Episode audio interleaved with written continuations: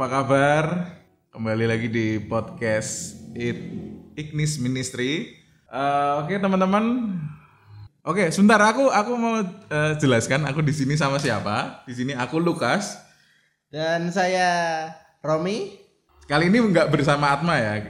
Kali ini aku Lukas dan Romi akan membahas satu topik yang menarik ya ini. Kita mau bahas apa ini mas? Mas Romi? Kita mau bahas tentang Alkitab kan ya, Pak? Ya, oke. Kita tuh mau bahas eh, penting nggak sih apa? Seberapa pentingkah Alkitab? Seberapa cukupkah Alkitab kayak gitu? Ya sebelumnya kita udah bahas tentang postmodernis, postmodernism, terus kita udah bahas tentang apa itu teologi. Nah mungkin ini ada kaitannya sedikit dengan waktu itu yang postmodernism di mana banyak kebenaran-kebenaran relatif gitu loh apa yang saat ini tuh kita merasa nggak ada kebenaran yang mutlak gitu loh. Nah, apakah Alkitab itu dapat kita percayai, dapat kita apa ya? Kita nggak akan meragukan lah bahwa Alkitab itu adalah suatu ke- kebenaran yang mutlak gitu. Beberapa topik nih yang yang saat ini tuh ya masih hangat lah kayak gitu. Apalagi di kalangan anak muda nih, toh. Anak muda kan lagi semangat-semangatnya nih cari tahu tentang kebenaran, explore tentang dirinya maupun alam maupun ya tentang Tuhan juga kita juga masih mencari-cari kayak gitu. Banyak lagi anak muda yang seperti itu saat ini. Nah, kita tuh mau bahas nih tentang ya bagaimana sih sekarang kan banyak nih keing apa ya kayak keingintahuan manusia akan suara Tuhan kayak gitu loh. Jadi kayak pengen dengar suara Tuhan gitu ya. Iya. Gimana suaranya Tuhan apakah Hai anakku, engkau akan kukasih mobil atau akan kukabulkan doamu. Nah, ini kan jadi suatu topik yang sangat menarik juga dan juga eh, topik yang membuat banyak orang berpikir apakah benar tuh itu dengar suara Tuhan atau itu suara hatinya dia, Iya. pribadinya dia gitu ya. Heeh.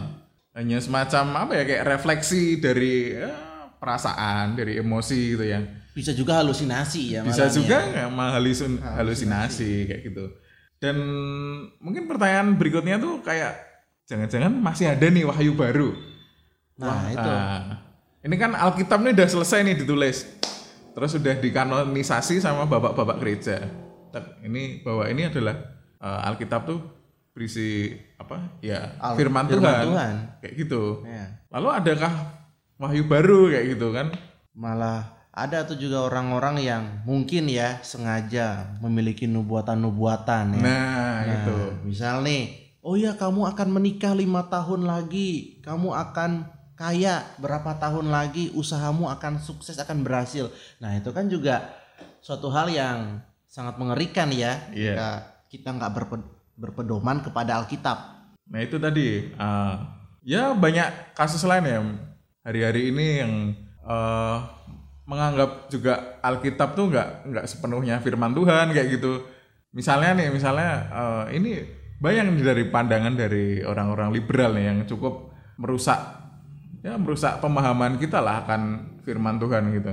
Kalau kita kan kita sebagai orang ya kaum Injili orang-orang reform gitu percaya bahwa Alkitab itu sepenuhnya firman Tuhan gitu sementara ada pandangan di luar sana yang menganggap bahwa ya kayak mi- misah-misahin gitu ya Ya, dipisah-pisahin. Jadi ya kalau yang ada Yesus berkata itu adalah firman Tuhan. nah, Nah, kalau tulisannya rasul-rasul, tulisan-tulisan hukum Taurat itu bukan bukan firman Tuhan. iya Ya. jadi ada istilahnya tuh red letter apa ya kalau biasanya ada Alkitab Alkitab tertentu itu yang eh, kata Yesus itu ditandai dengan kayak stabilo merah gitu tanda merah itu berarti dianggap firman Tuhan. Sementara yang tulisan para rasul, eh, surat-surat kepada jemaat gitu hanya dianggap apa ya kayak anjuran nasihat itulah. Ya. Padahal padahal ya kita tahu sendiri bahwa apa apa yang ditulis rasul pun itu juga dinafaskan. Betul. Nah, kalau kita mau lihat sih ya di dalam 2 Timotius pasalnya yang ketiga, ayat yang ke-15 sampai ayat yang ke-16, di sini dikatakan, "Ingatlah juga bahwa dari kecil engkau sudah mengenal kitab suci yang dapat memberi hikmat kepadamu dan menuntun engkau kepada keselamatan oleh iman kepada Kristus Yesus." Ayat yang ke-16, segala tulisan yang diilhamkan Allah memang bermanfaat untuk mengajar, untuk menyatakan kesalahan, untuk memperbaiki kelakuan, dan untuk mendidik orang dalam kebenaran. Nah nih Bro Lukas, aku nih ketika melihat ayat ini ada hal yang menarik. Iya. Di mana ini adalah nasihat Paulus kepada murid kesayangannya yang dia sudah muridkan. Iya. Bahkan kalau kita melihat di ayat-ayat sebelumnya mulai dari ayat yang ke-10 di situ Paulus menjabarkan bagaimana peran Timotius untuk dia mengikuti jejak Paulus bahkan dia juga mengalami penderitaan penderitaan aniaya karena pengabaran Injil dan tentunya Paulus menasihati Timotius agar hidupnya apa pun yang dia lakukan itu berpedoman kepada Alkitab. Nah, oke. Jadi eh, sebenarnya apa nih yang mau ditekankan dari ayat ini? Maksudnya ayat ini kan sebagai satu pembelaan gitu terhadap Alkitab, Ya. Alkitab secara keseluruhan. kan. Terus eh, apa sih yang menarik Bro Romi dari ayat ini? Kalau yang saya lihat yang menarik itu di ayat yang ke-16 nih. Segala tulisan yang diilhamkan Allah memang bermanfaat untuk mengajar. Segala tulisan yang diilhamkan Allah. Nah, kalau Allah mengilhamkan, jadi Allah kan memberitahukan kepada setiap penulis-penulis kitab itu, bukan hanya dia tiba-tiba mendengar suara Tuhan dan dia bisa berasumsi kalau dia mendengar suara Tuhan. Namun di sini diilhamkan ini sudah jelas ada pendahulu-pendahulunya dan ini berkesinambungan. Jadi diilhamkan itu Allah mengilhamkan kepada orang-orang yang dia ingin untuk surat-surat itu dapat ditulis. Tentunya 66 kitab itu tidak dengan mudah gitu Pak ya bisa terjadi. Iya. Dan apa ya? Ya inilah yang kita harus pahami kayak gitu. Apa ya? Sebenarnya mengapa bisa dikatakan bahwa Alkitab itu cukup untuk menyatakan kebenaran tentang Allah? Gimana Bro Romi pendapatnya? Karena Alkitab itu memang adalah pusat sih ya, utama ya. Kalau dibilang Alkitab bisa ditambahi, bagi saya itu adalah asumsi yang sangat buruk sih. Karena Alkitab itu sudah pasti dan hanya Alkitab saja Hmm. sebagai sumber pengetahuan kita terhadap Allah. Bagaimana kita bisa tahu tentang Allah? Bagaimana kita bisa mengerti tentang Allah, tentang Tritunggal, tentang Yesus, tentang Roh Kudus, tentang Bapa? Kalau kita tidak membaca Alkitab, kalau kita tidak melihat dari pembelaan Alkitab itu, pernyataan Alkitab itu terhadap Allah dan kemahakuasaannya. Nah inilah yang apa ya? Kita sebagai orang-orang ya kaum Injili lah, ya, kita harus pahami nih. Yang pertama tuh bahwa kita tuh harus memahami bahwa Alkitab itu yang pertama ineran ya. Gimana sih ineran tuh? Ya ineran tuh Alkitab menunjukkan bahwa tidak memiliki kesalahan dalam setiap penulisannya. Ya meskipun nanti eh ditafs- apa diterjemahkan dalam berbagai bahasa, Cok Ya. hanya di situ tidak ada apa ya perubahan makna gitu loh lalu yang kedua juga kita harus menerima sufisiensi Alkitab yang menunjukkan bahwa Alkitab sudah memuat seluruh firman Allah yang diperlukan untuk membawa manusia kepada keselamatan yang Allah sediakan dan memimpin kita untuk hidup di dalam keselamatan tersebut. Dengan kata lain, kita tidak membutuhkan pernyataan firman Allah di luar dari apa yang sudah tertulis di dalam Alkitab. Nah, ini menarik ini. Ya. Apalagi sekarang nih apa ya kadang misalnya ya, misalnya Alkitab ini membahas tentang eskatologis nih, tentang misalnya nggak tentang akhir zaman. Alkitab itu tidak men- eh, tidak menuliskan tentang Indonesia. Nah, tapi karena mohon maaf nih, ada hamba-hamba Tuhan yang tidak bertanggung jawab, Ya. dia seolah-olah bernubuat. atau membuat apa suatu kayak Suatu opini, pandangan mungkin Oh, ya oh. bisa. Bahkan dia mungkin mengklaim bahwa itu wahyu Nah, untuk Indonesia kayak Ya, gitu. saya juga pernah baca itu ya. Bahkan saya pun mendengar ya ini ya. Jadi dia mengambil eh, teks dalam Yesaya itu tentang pulau-pulau. Jadi gambaran pulau-pulau itu malahan dibilang itu gambaran Indonesia. Hmm. Jadi dia membuat eh, khotbah menggambarkan bahwa apa yang dicatat di teks bangsa-bangsa akan datang dan segala sesuatunya yang kira-kira itu menggambarkan Indonesia dari pulau-pulau dan yang lain itu malahan dipakai untuk pembelaan dirinya bahwa ini yang dicatat di Alkitab sedang membicarakan Indonesia, sedang nubuat tentang Indonesia. Indonesia sedang akan mengalami lawatan, apa pun mujizat dan sebagainya. Dan ini yang kalau kita nggak perhatikan teks Alkitab itu dengan baik, maka kita akan terjerumus, bahkan kita akan menjerumuskan orang juga dalam kesesatan. Nah itu dia. Nah kita kita mau tahu nih gimana sih maksudnya eh, kayak prinsip-prinsip ya kita maksudnya kita kita tahu nih udah bahwa Alkitab itu cukup untuk menyatakan kebenaran tentang Allah bahwa Alkitab itu cukup untuk menuntun kita membawa kita kepada keselamatan itu. Cuman mungkin ada beberapa hal yang jadi catatan kita selama ini. Kenapa sih eh, mungkin gereja-gereja itu bisa dalam tanda kutip sesat gitu loh. Apa yang salah dengan apa mungkin metode penggalian mereka gitu loh. Apa sih? Kalau dari Mas Romi sendiri biasanya mengamati apa? Ya kalau saya melihatnya begini. Pertama, rata-rata itu orang melihat Alkitab.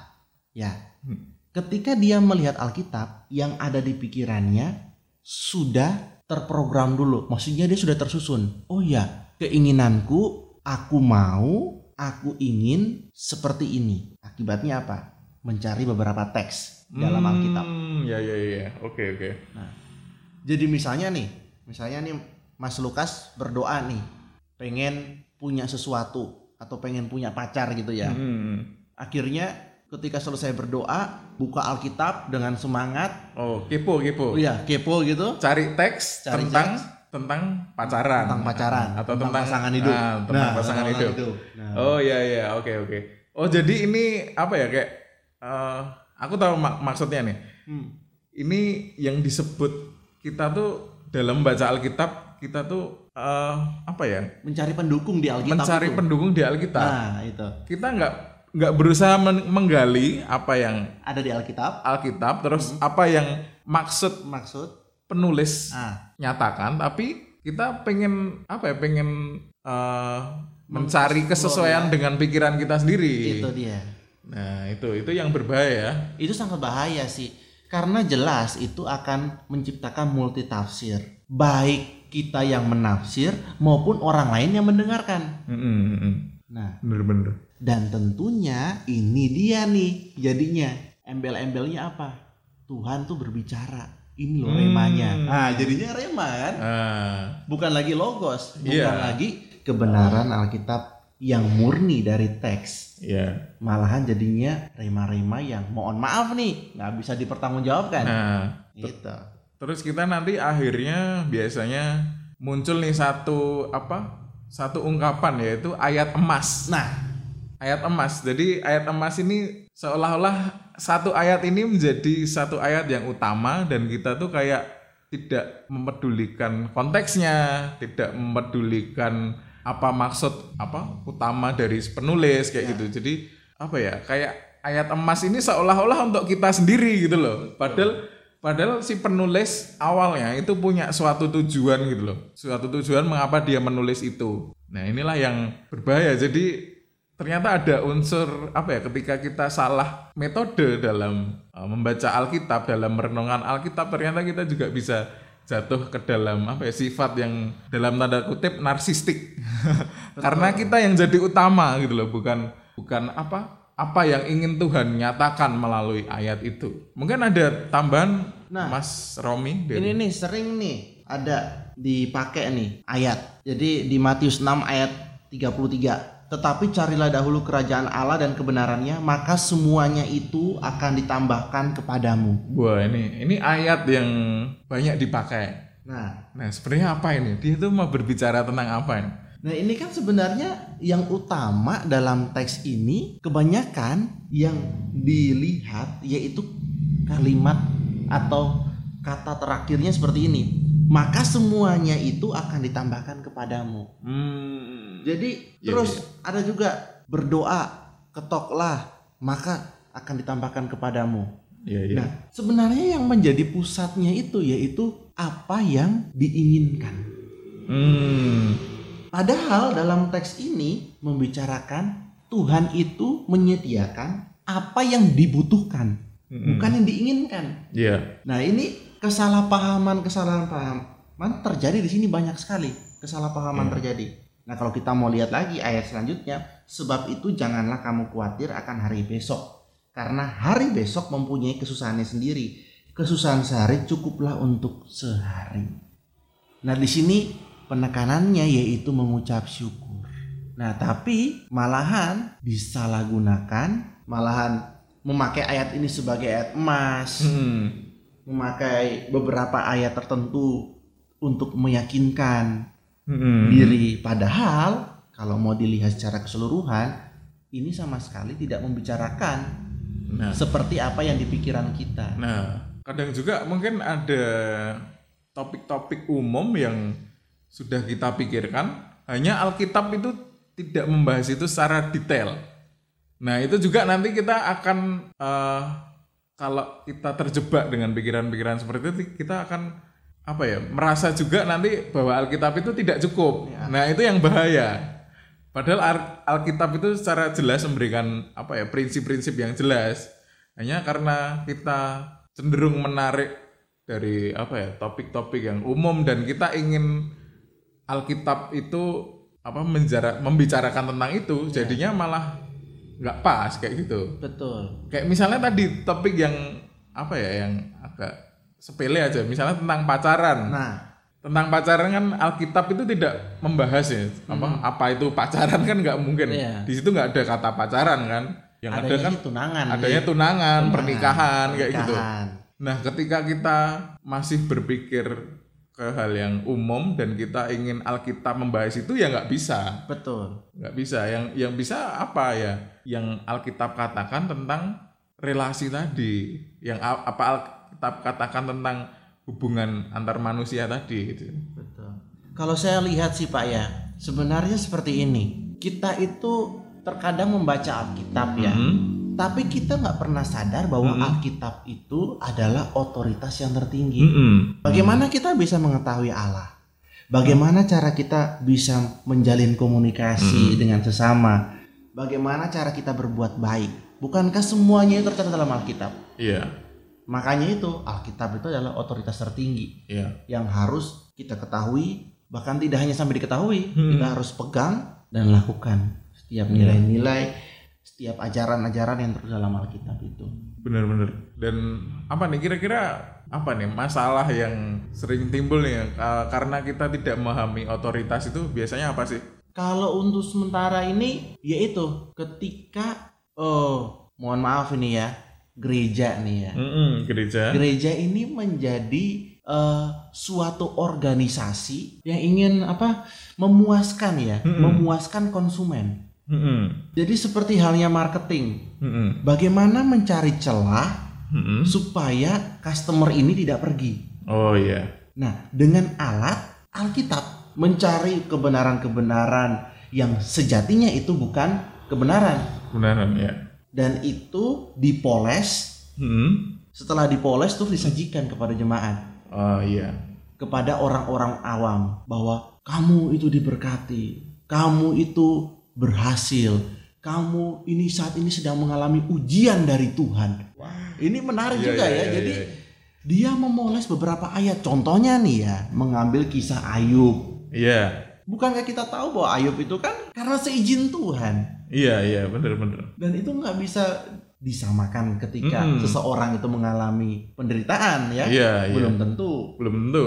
bisa karena ulahnya dia sendiri kan. Iya bisa, bisa. Hanya saja memang ketika seperti tadi ya kasusnya Ayub, kita bisa tetap belajar karena di situ tetap ada apa kebenaran-kebenaran kekal yang tetap berlaku hingga saat ini. Betul. Dan apa ya jangan jangan apa jangan malas-malas lah untuk belajar, untuk mungkin bertanya-tanya pada orang-orang yang apa ya, dalam mengeksposisi Alkitab itu sudah lebih bisa gitu ya. Jangan jangan jangan malu lah gitu. Tuh. Terus eh, mungkin ini ya kalau ngomongin gereja juga kadang gereja itu eh, ya itu tadi merasa tidak cukup dengan Alkitab, jadinya apa ya? menciptakan tradisi-tradisi sendiri yang kadang merepotkan gereja itu sendiri.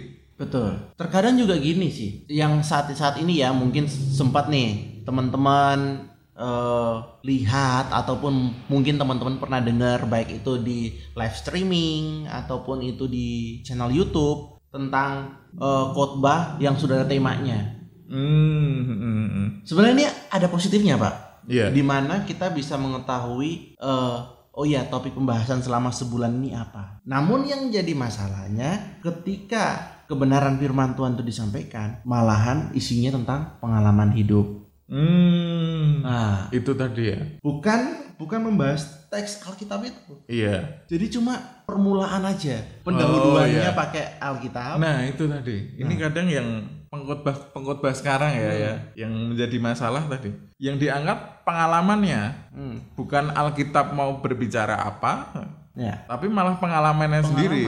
Oke sih dia mengangkat ayat, cuman ayatnya itu cuman jadi kayak apa ya? Semacam bumbu aja. Penyedap, penyedap. Ya kayak Ajinomoto gitu ya. Iya. Kayak Ajinomoto gitu. Masako ya, micin. Teman-teman tahu kan bahayanya kalau sering micin. Hmm. Nah, itu juga tuh kalau keseringan ya denger-denger pengalaman-pengalaman tanpa serius belajar Alkitab. Itu tadi. Sangat bahaya ya, Pak ya. Heeh. Meracuni juga tuh. meracuni juga.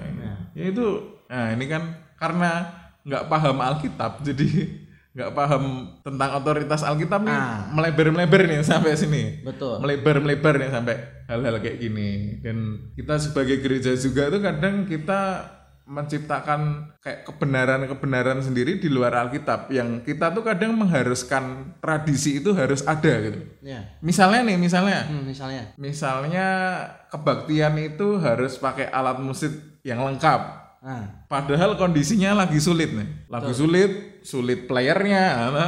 sulit nggak ada alat musiknya karena mahal mungkin. Tapi tuh kita udah terlanjur menjadikan itu suatu kebenaran dan itu harus di dan itu harus dipenuhi. harus ya harus itu ya. Padahal Alkitab itu tidak menuliskan itu tentang hal-hal seperti itu. Saya bayangkan nih ya Pak ya di kisah para rasul itu Iya. ya, yang ketika jemaat mula-mula itu mereka berkumpul, terus mereka membagi harta mereka, mereka di situ makan, makan bersama, mereka perjamuan bersama, dan mereka hidup sama rata semua, berdiri sama tinggi, duduk sama rendah. Mm-mm. Dan di situ kok tumben tuh loh rasul-rasul tidak menulis tentang mereka pemain keyboard, pemain drum atau apa itu enggak ada sama sekali. Nggak ada. Malahan di situ tuh kesetaraan, kesatuan Iya. untuk sama-sama bergerak dalam pengabaran Injil. Itu intinya kan di situ. Iya. Gereja itu apa? Ya gereja itu ya kita yang dipanggil keluar ya pak untuk untuk Eklesia itu kan ya. itu Nah. untuk mengabarkan Injil. Pengabaran Injil. Tapi kadang kita apa ya membangun ya istilahnya kita tuh ekstra biblika. Ya. Jadi apa yang di luar Alkitab itu malah kita jadikan suatu tradisi yang di situ sebenarnya secara tidak langsung kita tuh menganggap tradisi itu sebagai suatu kebenaran. Terus kita ketika tradisi itu nggak bisa dijalankan kita tuh merasa kecewa. Ya. Tuh. Kayak merasa berdosa di hadapan Tuhan ya. Ah, Saya tuh pernah loh ketemu orang-orang itu. Jadi kayak misalnya dia, aduh kalau nggak kayak begini, nggak sesuai, nggak kayak begini, nggak ada efek-efeknya, nggak ada musik yang Iya. menggelegar, nggak ada hadirat Tuhan. Waduh, Waduh. ini kok jadinya nggak ada hadirat Tuhan ini ya? Jadi hadirat Tuhan itu di waduh malah disempitkan ya. Iya. Disempitkan dengan eh, musik, Musik. dengan suasana ruang ibadah. Wah, ini sangat jauh dari konteks Alkitab ya sebenarnya. Iya. Bahkan kalau kita mau lihat Yesus ya, Yesus Iya. ketika dia berdoa, dia berdoanya tuh di tempat-tempat yang terbuka, Taman Getsemani. Iya. Ya, dia berdoa di sana dan dia mengajak murid-muridnya juga untuk berdoa. Hmm, bener. bahkan di padang rumput ketika lima roti dan dua ikan Hmm, iya, dia mengucap syukur iya. di tempat-tempat yang jauh berbeda dengan pandangan Iya, apa nah. para pendeta-pendeta ya Iya. Iya. Ya mungkin sih nggak maksudnya kalau Alkitab berbicara tentang eh, Yesus berkhotbah di bukit atau di tempat terbuka ya mungkin nggak harus seperti itu ya. Cuman kita harus nangkep nih esensinya apa sih? nah itu Itu. Yang penting kan di situ Yesus kan selalu mewartakan tentang kerajaan sorga gitu, sorga. tentang Injil. Iya. Nah di situ yang penting bukan tentang anggaran ya pak ya bukan tentang anggaran bukan tentang musik yang harus gini harus gitu harus apa harus membangun jemaat yang emosional kayak gitu. Bukan yang penting di situ adalah apa esensinya pengabaran Injil. Kalau lihat sih gini ya Pak ya, banyak nih jemaat-jemaat lugu ya, orang-orang yang masih lugu, orang-orang yang inginnya belajar, inginnya mendapatkan sesuatu yang bisa dijadikan landasan dia berpikir dan bertanggung jawab ya. ya Malahan dia tidak menemukannya, malah disuguhi tentang hal-hal praktis yang sebenarnya ini bermasalah. Ya contohnya kembali lagi tuh kayak nubuatan-nubuatan itu. Hmm, hmm. Nah ini yang sebenarnya sih gimana sih menurut eh, Mas Lukas ini? tentang tadi ya Mm. Apakah eh, orang-orang yang seperti ini harus kita amankan, kita kasih tahu, atau pendetanya yang kita samperin. Gitu ya? Nah, oke ini ini kita udah masuk apa ya kayak kita juga mau ngasih istilahnya solusi nih ya mas Ya. kita mau ngasih sesuatu yang aplikatif. Eh sebenarnya ya kembali lagi sih kembali lagi ke Alkitab tadi. Ke Alkitab sebagai otoritas sebagai apa? Ya itulah firman Tuhan kayak gitu loh. Ya. kita harus kita harus percaya itu. Maksudnya kita tuh kadang kenapa sih ma- masih mau denger hal-hal yang apa sifatnya apa ya nubuatan yang sebenarnya lu buatan Iya, sebenarnya itu lu buatan. Iya, karena kita kita apa ya kur- sebenarnya kurang kurang menggali aja, kurang menggali ketika kita sebenarnya banyak merenungkan Alkitab, kita banyak apa belajar yang serius ya tentang Alkitab tuh sebenarnya hal-hal yang praktis itu kita pasti akan tahu kok. Kita akan tahu cara ngatasinnya gimana dengan dengan tetap menjalankan apa prinsip-prinsip yang apa sudah Alkitab katakan gitu. Iya. Nah ini mungkin kita udah banyak bahas nih. Kita mungkin udah mau penutupnya apa nih? Oh iya ya. Kembalikan lagi nih ke Al- Alkitab nih. Alkitab ngomong apa sih tentang eh, ini kebenaran ini? Kayaknya dari surat Petrus nih. Apa ya? Kalau kita mau melihat dari surat Petrus ya, 2 Petrus 1 ayat yang ke-20 dan 21. Demikian firman Tuhan yang terutama harus kamu ketahui ialah bahwa nubuat-nubuat dalam kitab suci tidak boleh ditafsirkan menurut kehendak sendiri. Hmm. Sebab tidak pernah nubuat dihasilkan oleh kehendak manusia, tetapi oleh dorongan Roh Kudus, orang-orang berbicara atas nama Allah. Kalau menurut Mas Lukas dari ini apa yang kira-kira Mas Lukas melihat ya? Mm-mm. Ya, ini bukan Mas Lukas eh, ini ya menubuatkan ayat ini ya. Bukan, bukan. ya. Jadi gini, satu hal yang penting adalah di sini di mana di ayat ini berbicara tentang nubuat tidak pernah dihasilkan oleh kehendak manusia, tetapi oleh dorongan Roh Kudus. Inilah yang harus harus dipahami ya, maksudnya ketika kita berbicara, ketika kita membahas Alkitab, nah kita kita harus memahami bahwa para penulis dahulu itu kenapa sih bisa bisa menulis seperti itu karena didorong oleh Roh Kudus kayak gitu. Nah, inilah yang yang melalui ayat ini tuh ini membuktikan bahwa Alkitab itu memang benar dinafaskan kayak gitu ya. Ya. Memang benar bahwa itu tuh semua yang ditulis di Alkitab adalah dari firman Allah gitu. Jadi aplikasinya apa nih? Ketika kita mengetahui ayat ini, Aplikasinya seperti ini untuk teman-teman semuanya. Ketika teman-teman itu mendengar apa pun itu kebenaran firman Tuhan yang disampaikan oleh hamba Tuhan. Bukannya kita meragukan hamba Tuhan ya di sini. Iya, ya. iya. Bukannya kita merendahkan dia enggak sama sekali. Namun, latihlah diri kalian untuk membaca keseluruhan teks itu. Sangat penting sekali. Kalau kita cuma membacanya setengah, maka kita nggak akan tahu keseluruhan teks itu seperti apa. Makanya itu kita harus membaca ulang, budayakan membaca karena itu penting banget. Kalau kita nggak membudayakan membaca, kita akan terjebak sendiri. Kita akan masuk ke dalam jebakan. Kita akan eh, udah masuk, nggak tahu kalau kita disesatkan, malah kita bela-belain orang yang sesatin kita, gitu. Iya. Itu yang jadi permasalahannya di situ tuh. Jadi kita harus membaca ulang teks itu, perhatikan baik-baik. Kalau sebisa mungkin kalau ada orang yang lebih mengerti tentang teks itu, kita bisa ajak diskusi. Ya. Iya, benar. Penting banget tuh. penting banget. Dan mungkin juga lewat kita juga membaca buku-buku ya, Iya, itu akan membantu kita ya. membantu kita. Iya, benar. Ya, oke itu teman-teman yang bisa kami bahas apa saat ini ya. Saat ini. Kiranya kita apa ya makin ya makin makin kritis lah, makin kritis dengan ajaran-ajaran yang ada saat ini. Apa pun itu mungkin bahkan omongan kita juga saat ini Iya. melalui podcast ini silahkan teman-teman renungkan bener nggak sih? Ya, apakah kita juga ngomongnya itu tidak melanggar prinsip-prinsip Alkitab atau tidak gitu loh? Betul. Ya, kita pun masih apa istilahnya selalu mengevaluasi diri, selalu menilai diri apakah kita sudah berjalan, apakah kita sudah melakukan apa kehendak Tuhan itu dengan benar sesuai apa kata Alkitab. Betul sekali. Karena memang Alkitab memiliki peran dan Alkitab adalah otoritas tertinggi. Bagaimana kita bisa mengenal Allah dengan baik, sesama, dan juga menjadi pelaku firman yang benar. Oke, gitu sekian dari kami di episode ini. Sampai jumpa. Sampai jumpa. Bye-bye.